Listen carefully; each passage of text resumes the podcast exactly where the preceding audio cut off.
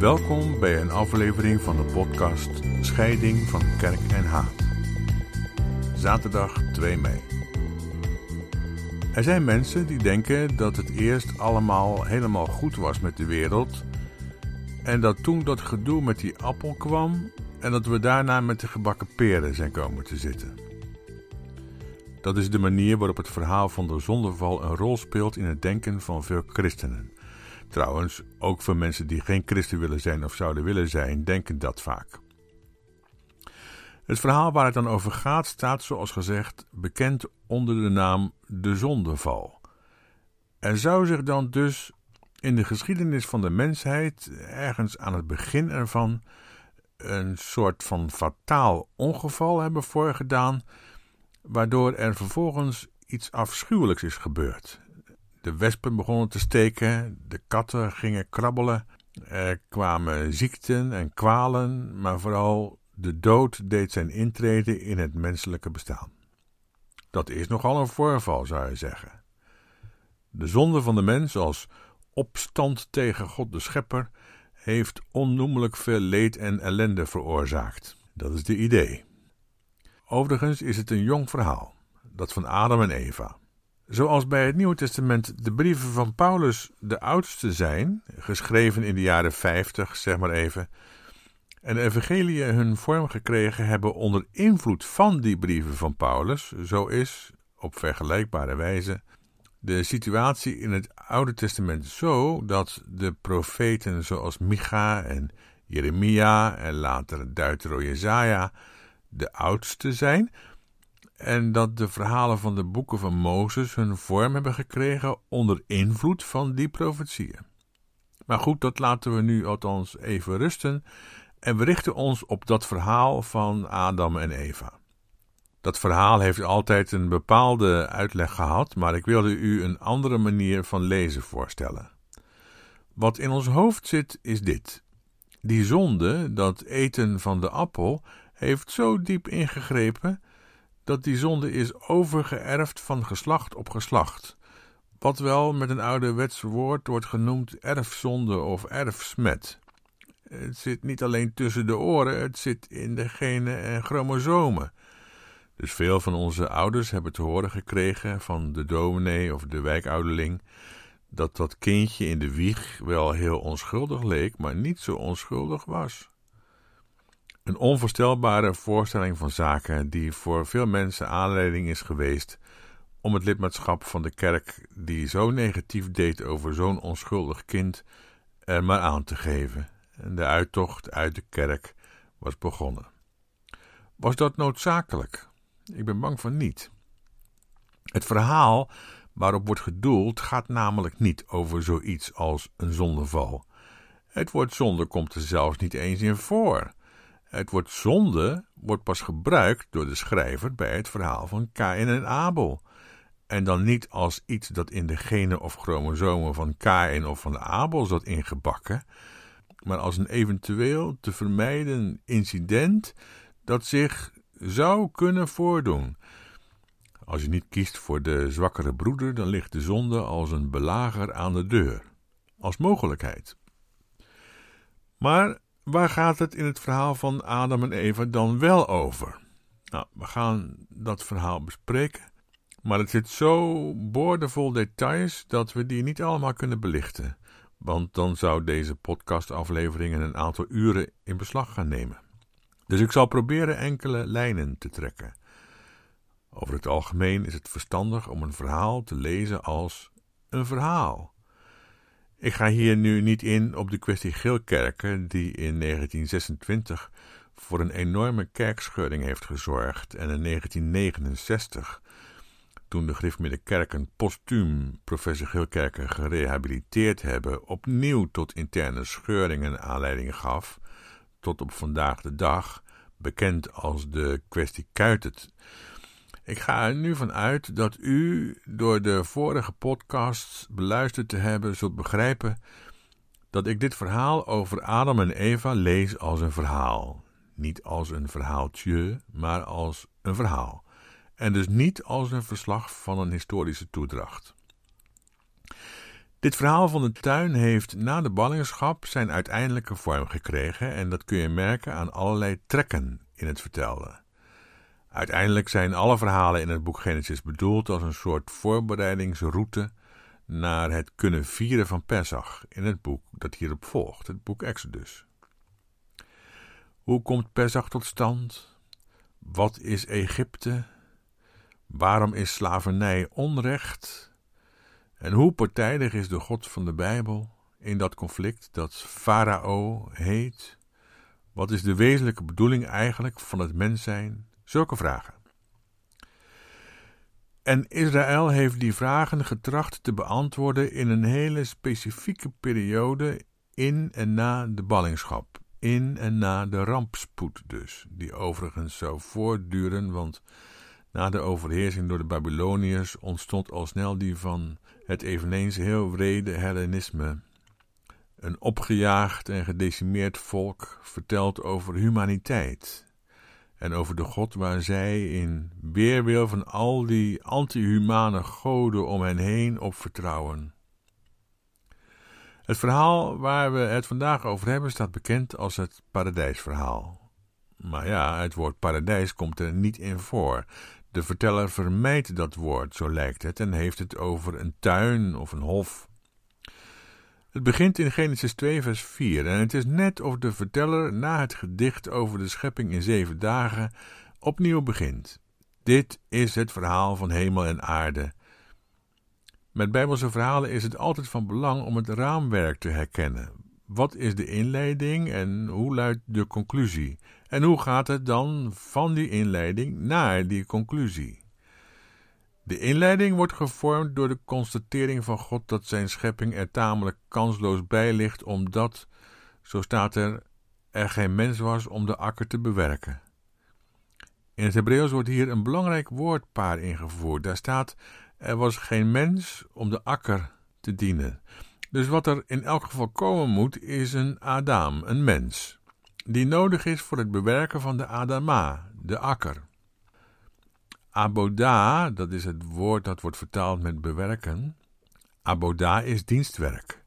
De Adam heeft de Adama te dienen. Dat is dus niet zomaar hetzelfde als wat een rentmeester doet, die pachters op de akker laat knechten. Het ligt heel subtiel allemaal in deze verhalen en je trekt het zo uit het lood. De mens is bedoeld om de aardbodem te dienen, om dat te benadrukken staat er dat de mens geformeerd is als stof van de akker, niet uit stof van de akker. De akker dient niet als boetseerklei om daar de mens uit te boetseren. De mens is stof van de akker. Dat is hij. Maar tegelijk is de mens ook een levend wezen. Dus God formeerde de mens, dubbele punt, stof van de akker, en blies de levensadem in zijn neus. Zo is de mens. Maar er zijn complicaties. Daar is die tuin, die geen paradijs heet en die ligt ergens in het oosten. Als je van Palestina uit naar het oosten denkt, dan kom je in wat het huidige Iran en Irak is. Er worden dingen van die tuin gezegd die moeilijk thuis te brengen zijn. De geografische aanduiding vinden we vooral in de namen van de twee rivieren Eufraat en Tigris. Daar wordt deze godentuin, want dat is het, dus gesitueerd. In het land van de Eufraat en de Tigris. Dan laat de verteller het volgende gebeuren. God neemt de mens, alsof hij de mens nu van de akker afhaalt en in een andere biotoop brengt, een godentuin maar wel een wat vreemde godentuin. Want waar in de religie het levenskruid of het levenselixer of de levensdrank ergens ver weg verstopt is, zodat de mensen zich er hun leven lang een rotje naar moeten zoeken, daar staat hier de levensboom midden in de tuin. Het lijkt of dit een plek is waar de mens kan gedijen. Maar het is niet zo. Want de drama's volgen elkaar snel op. Want ondanks de levensboom midden in die tuin waar je vrij van mag eten en al de dieren en planten in die tuin en de mens daar in het midden als een soort god, blijkt de mens toch erg eenzaam. Hij geeft alles namen, maar voor zichzelf vond de mens geen. En dan staat er geen hulp die bij hem past. Zo wordt het meestal vertaald. Maar ja, dat komt omdat mannen deze teksten doorgaans vertalen. En dan eh, denken aan hun eigen vrouw, die ze blijkbaar beschouwen als een passende hulp. In de huishouding bijvoorbeeld. Het Hebreeuws vertelt iets anders. En, uh, de wachttorenvertaling van Jehovah's getuigen, die vaak ongelooflijk goed vertaalt, die uh, doet het ook goed, denk ik. Dus krijgt u nog eens Jehovah's getuigen aan de deur, vraag dan of ze een wachttorenvertaling te koop hebben en koop die dan. Voor zichzelf staat er, vond de mens geen hulp als zijn tegenhanger. Of dat de allerbeste oplossing is om te vertalen, weet ik zo niet, maar het wordt zo wel duidelijk dat er in het Hebreeuws staat kenigdo, een hulp als tegenover hem. De mens heeft om uit zijn eenzaamheid te worden bevrijd geen passende hulp nodig, maar oppositie, een tegenover. En dan laat de verteller God optreden als een narcotiseur en brengt hem in een diepe, diepe slaap, een hele diepe slaap. En dan is daar na de narcose ineens de vrouw, de oppositie van de man, zijn tegenover die hem uit de eenzaamheid moet redden, een godsgeschenk. Daarom, om uit de eenzaamheid en de hulpeloosheid te worden bevrijd, doet de man er goed aan om zijn vader en moeder te verlaten, staat er, en zijn vrouw aan te hangen. Nou, zo zijn de meesten van ons niet getrouwd hoor. Tot eind vorige eeuw stond er namelijk ook in de Nederlandse wet dat een vrouw haar vader en moeder diende te verlaten en haar man diende te volgen. Hier is het dus precies andersom. De man dient tot zijn redding, mind you, zijn patriarchaat te verlaten, zijn vader en moeder en zijn bezit en zijn erfenis en hebben en houden en de hele mikmak, de cultuur en de overtuigingen, loslaten dat alles rigoureus en zijn vrouw volgen. En zij beiden waren naakt, staat er dan. In het Hebreeuws staat er arom. En, zo laat de verteller erop volgen, zij waren naakt, dat is eh, kwetsbaar, maar zij kwetsten elkaar niet. Want schamen is eigenlijk gekwetst worden. Er wordt jou pijn gedaan. Een wonderlijk en zeer anti-patriarchaal moment. Blijkbaar is de verteller ervan overtuigd geraakt dat het feit dat mannen de wereld doorgaans beheersen een probleem van de eerste orde is. Het paradijsverhaal is dus eigenlijk geen paradijsverhaal, maar het verhaal over een godentuin, waarin het maar de vraag is of de mens daar tot zijn recht komt. Want behalve de eenzaamheid die de mens als God in een tuin, want zo leek het immers, behalve de eenzaamheid die de mens daar ervaart, is er een volgende complicatie. God had gezegd: Ja, je mag van alle bomen vrij eten, dus ook van de levensboom midden in de tuin. Alleen één boom, daar moet je vanaf blijven. Dat is de boom van het kennen van goed en kwaad. Je moet weten dat van de boom eten een uitdrukking is voor een bepaalde overtuiging opdoen of een leer aanhangen. Dat heet van een boom eten. En dan is daar die slang. Hey, over die, over die slang is een hoop te doen in de kerk. Heeft dat beest echt gesproken? Daar kun je boeken over volschrijven. Wat? Bibliotheken? Heel veel mensen geloven stellig dat het beest werkelijk bestond en ook echt sprak. Ik ben daar niet zo van, omdat het dan allemaal, voor mij althans, erg ongeloofwaardig wordt. En dat vind ik zonde van zo'n krachtig verhaal dat zoveel te zeggen heeft. Rabbijnen zeggen soms op die vraag of de slang wel of niet gesproken heeft. Ja, natuurlijk heeft hij gesproken. Hij had toch geen handen? Hé, hey, pst. Hé, hey, pst. Een slang is een echt mythische gestalte. Dood en leven zitten in dat ene dier. Hij is of giftig of levensreddend als de esculaap van de arts. Hij gaat met zijn buik over de grond en hij is naakt. Hier staat een iets ander woord, hè. En dat betekent ook naakt, maar dan in de zin van glad. Een gladakker is het. God heeft zeker gezegd: Hier is de slang toch eigenlijk de dominee in het verhaal. Ja, toch? Dat is nu precies wat dominees doen. God heeft gezegd. En wat doet de slang dan? Iets heel slims of is het sluw? God heeft zeker gezegd: nee, je mag niet van alle bomen eten. Nu had God dat niet gezegd. God had gezegd: ja, ja, je mag van alle bomen eten, maar van eentje niet. De slang maakt daar echter van: nee, je mag niet van alle bomen eten. En wel beschouwd is dat hetzelfde, toch? Als je van alle bomen mag eten, maar van eentje niet, dan mag je niet van alle bomen eten. Dat is toch hetzelfde? En toch is er een verschil. Ja, je mag van alle bomen eten en je zult leven, maar van één boom niet. Of nee, je mag niet van alle bomen eten. En de vrouw weet het niet. Wat had God nou gezegd? Wat ze weet, moet ze hebben van haar man. Want God had deze dingen tegen Adam gezegd van die bomen, toen zij nog helemaal niet in beeld was zelfs. Ze is daar dus helemaal niet bij geweest. Dus hoe goed heeft de man zijn vrouw geïnformeerd? Dat is de vraag. Slim dus van de slang om de vrouw aan te spreken en niet de man. En de man heeft dat blijkbaar niet zo grondig gedaan, dus ze staat uh, te stuntelen. Uh, ja, uh, van de vrucht van de boom mogen we eten, maar, maar van de vrucht van de boom die midden in de hof staat, daarvan mogen we niet eten en, en die zelfs niet aanraken. Taboe, niet aanraken. De klassieke religies, waar Israël zich met dit verhaal uit wil loswrikken, staan altijd stijf van de taboes.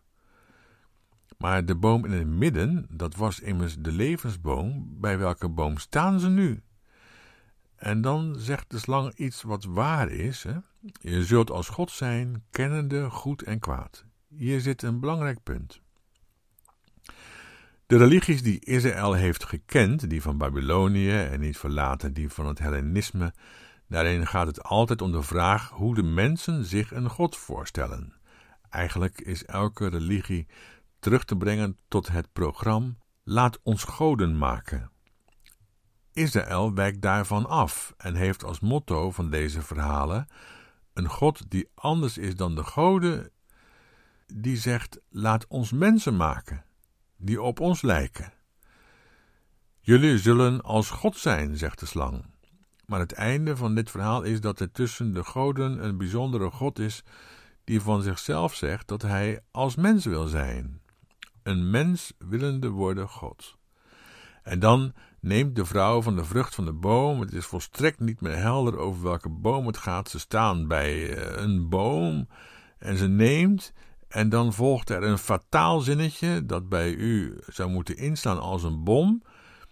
Ze geeft ook haar man die bij haar was en hij at. Hij at. Dat is fataal. Hij is het namelijk die had kunnen weten hoe het in elkaar zat. En hij is het die had kunnen zeggen dat de stem van de mythe niet klopt. En hij at.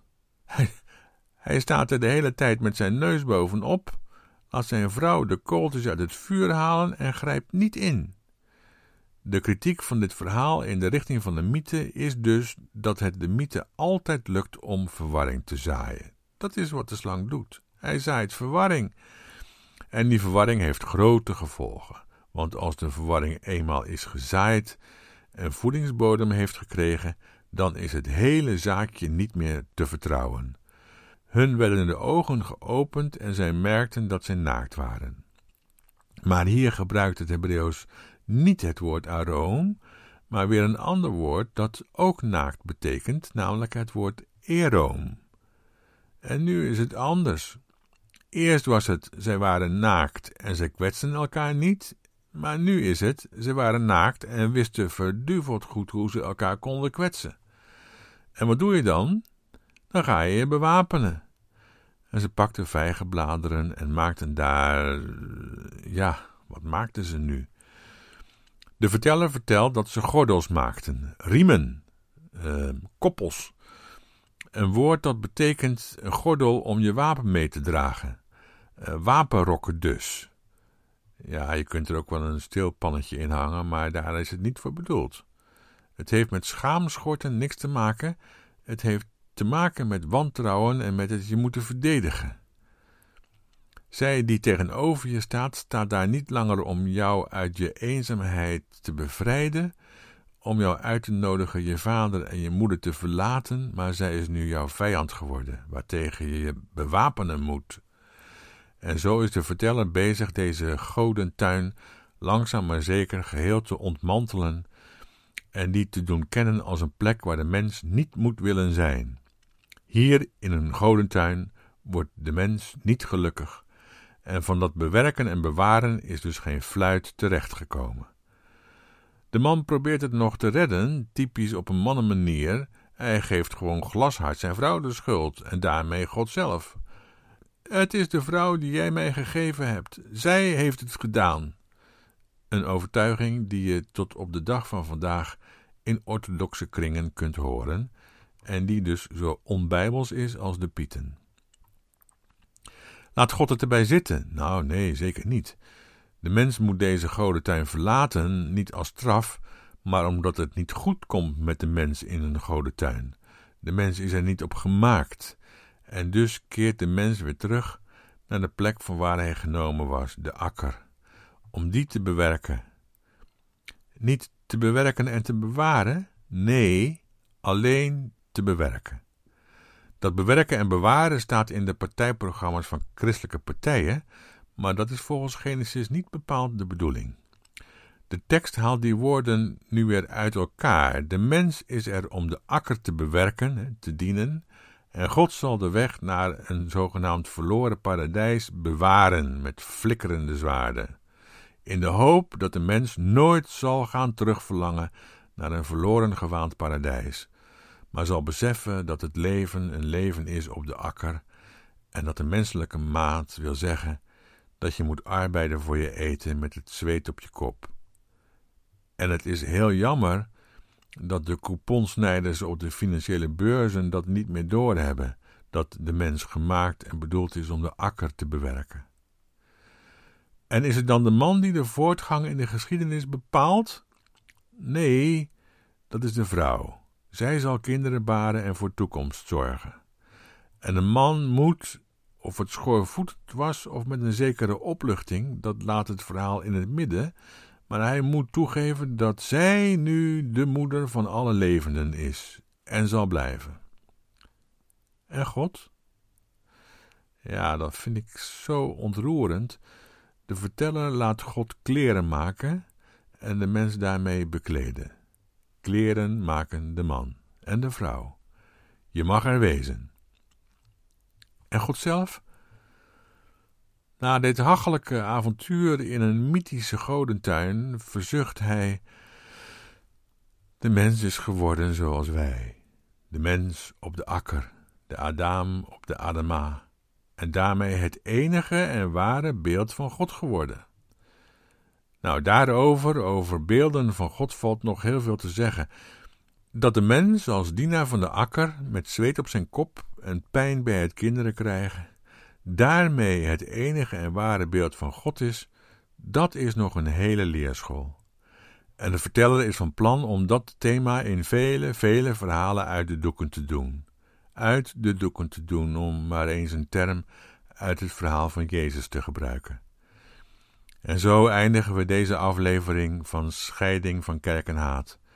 Deze aflevering volgt op de vorige afleveringen, waarbij het ging om het kruis van Christus en dat dat niet een schuldoffer was om de zogenaamde zonde van de zondeval te verzoenen, uh, of om daar boete voor te doen. Uh, de manier namelijk waarop je naar verzoening en kruis kijkt, hangt af van de vraag hoe je dit verhaal leest.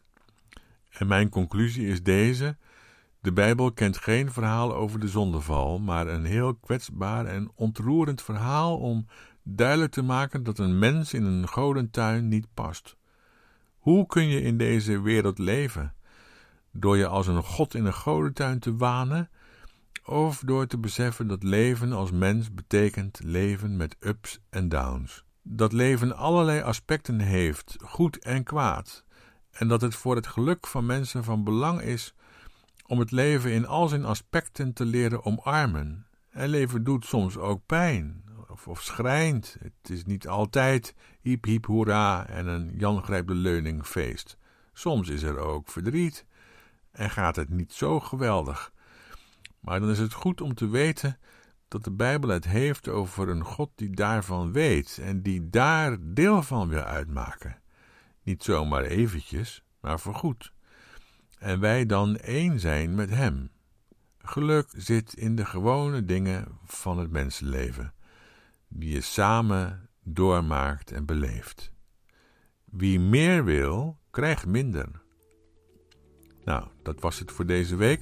Bedankt voor het luisteren en tot volgende week zaterdagmiddag.